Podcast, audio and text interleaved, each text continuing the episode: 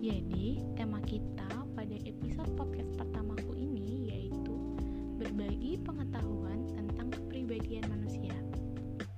Nah, dalam kehidupan sehari-hari, istilah kepribadian sering kali disamakan dengan kata sikap, sifat, ataupun kebiasaan. Padahal, jika ditelisik lebih dalam lagi, istilah-istilah ini tidaklah sama dan sangat jauh berbeda. Lantas, apa sih sebenarnya kepribadian itu? Jadi, kepribadian merupakan kecenderungan psikologi seseorang untuk melakukan tingkah laku sosial tertentu, baik berupa perasaan, berpikir, maupun cara bersikap. Dari sisi psikologi sendiri, Gordon Alport mengatakan bahwa kepribadian untuk suatu organisasi yang juga merupakan struktur dan sekaligus proses.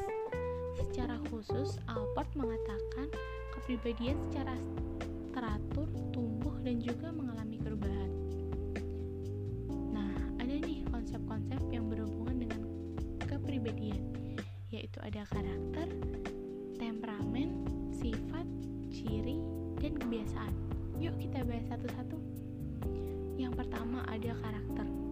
Karakter yaitu penggambaran tingkah laku dengan menonjolkan nilai baik secara eksplisit maupun implisit. Nilai ini ada nilai benar, salah, maupun baik dan buruk. Yang kedua ada temperamen. Temperamen yaitu kepribadian yang berkaitan erat dengan determinan biologis ataupun fisiologis. Yang ketiga ada sifat-sifat. Sifat-sifat yaitu respon yang senada atau sama terhadap sekelompok stimuli yang mirip. Hal ini berlangsung dalam kurun waktu yang. Selanjutnya ada ciri. Ciri itu sesungguhnya mirip dengan sifat, namun dalam kelompok stimuli yang lebih terbatas. Yang terakhir ada habit atau kebiasaan. Kebiasaan merupakan respon yang sama dan cenderung berulang untuk stimulus yang sama pula. Nah, selanjutnya kita bakal membahas kepribadian yang sehat. Seperti apa sih kepribadian yang sehat itu? Yang sehat yang pertama, ia memiliki kemampuan dalam diri secara realistik. Dia bisa menilai diri apa adanya terhadap kelebihan dan kekurangannya, baik itu secara fisik, pengetahuan, keterampilan, dan sebagainya. Lalu, memiliki kemampuan dalam menilai prestasi yang diperoleh secara realistik. Setelah itu, dia dapat menerima tanggung jawab. Seseorang yang memiliki kepribadian yang sehat memiliki keyakinan terhadap kemampuannya untuk mengatasi masalah dalam kehidupan yang dihadapinya. Yang terakhir nih, ada kemandirian.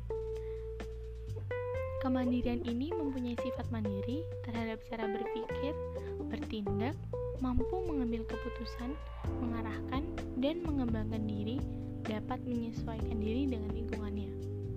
Lalu, kalau ada ada kepribadian yang tidak sehat. Seperti apa sih? Nah, yang pertama, orang yang memiliki kepribadian yang tidak sehat yaitu orang yang mudah marah atau tersinggung. Orang yang menunjukkan kekhawatiran dan kecemasan secara berlebih, ia memiliki perasaan yang tertekan seakan-akan dirinya paling stres, paling depresi atau sebagainya.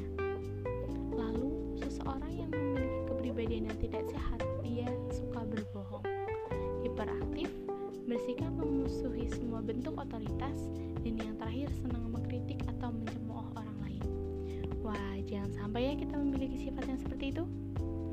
Lalu, apa sih fungsi teori kepribadian? Nah, jadi di sini kepribadian memiliki dua fungsi, yaitu fungsi deskriptif dan fungsi prediktif. Yuk kita bahas satu-satu. Fungsi deskriptif merupakan fungsi teori kepribadian dalam menjelaskan atau menggambarkan perilaku kepribadian manusia secara rinci, lengkap, dan sistematis.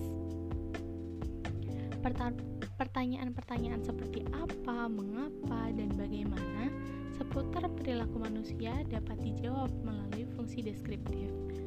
Lalu yang kedua ada fungsi prediktif. Teori kepribadian selain harus bisa menjelaskan tentang apa, mengapa, dan bagaimana tingkah laku manusia sekarang, juga harus bisa memperkirakan apa, mengapa, dan bagaimana tingkah laku manusia di kemudian hari.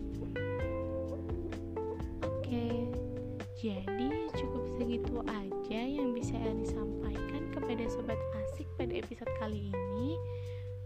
Semoga hal ini dapat bermanfaat bagi sobat asik dan bisa menambah pengetahuan sobat-sobat asik semuanya mengenai kepribadian manusia. Oh iya, yang terakhir nih. Gimana sih kita bisa mengetahui kepribadian kita seperti apa? Nah, sobat asik bisa tuh mengecek kepribadian diri sendiri melalui tes-tes MBTI. Ketik aja tuh di Google tes MBTI. Nah, hasilnya yang keluar walaupun tidak 100% akurat karena setiap kita mengisi itu pasti ada faktor-faktor yang mempengaruhi kepribadian kita atau cara berpikir kita, cara bertindak kita dalam tes tersebut. Namun, sedikit banyak hal itu bisa membantu teman-teman untuk gimana sih kepribadian aku. Dan hal ini sangat penting teman-teman. Untuk apa? Untuk mengevaluasi kepribadian kita agar kita selalu memiliki kepribadian yang sehat sekian yang dapat Erni sampaikan. Tetap di rumah aja. Stay safe and stay healthy. See you on the next episode. Assalamualaikum warahmatullahi wabarakatuh. Bye bye.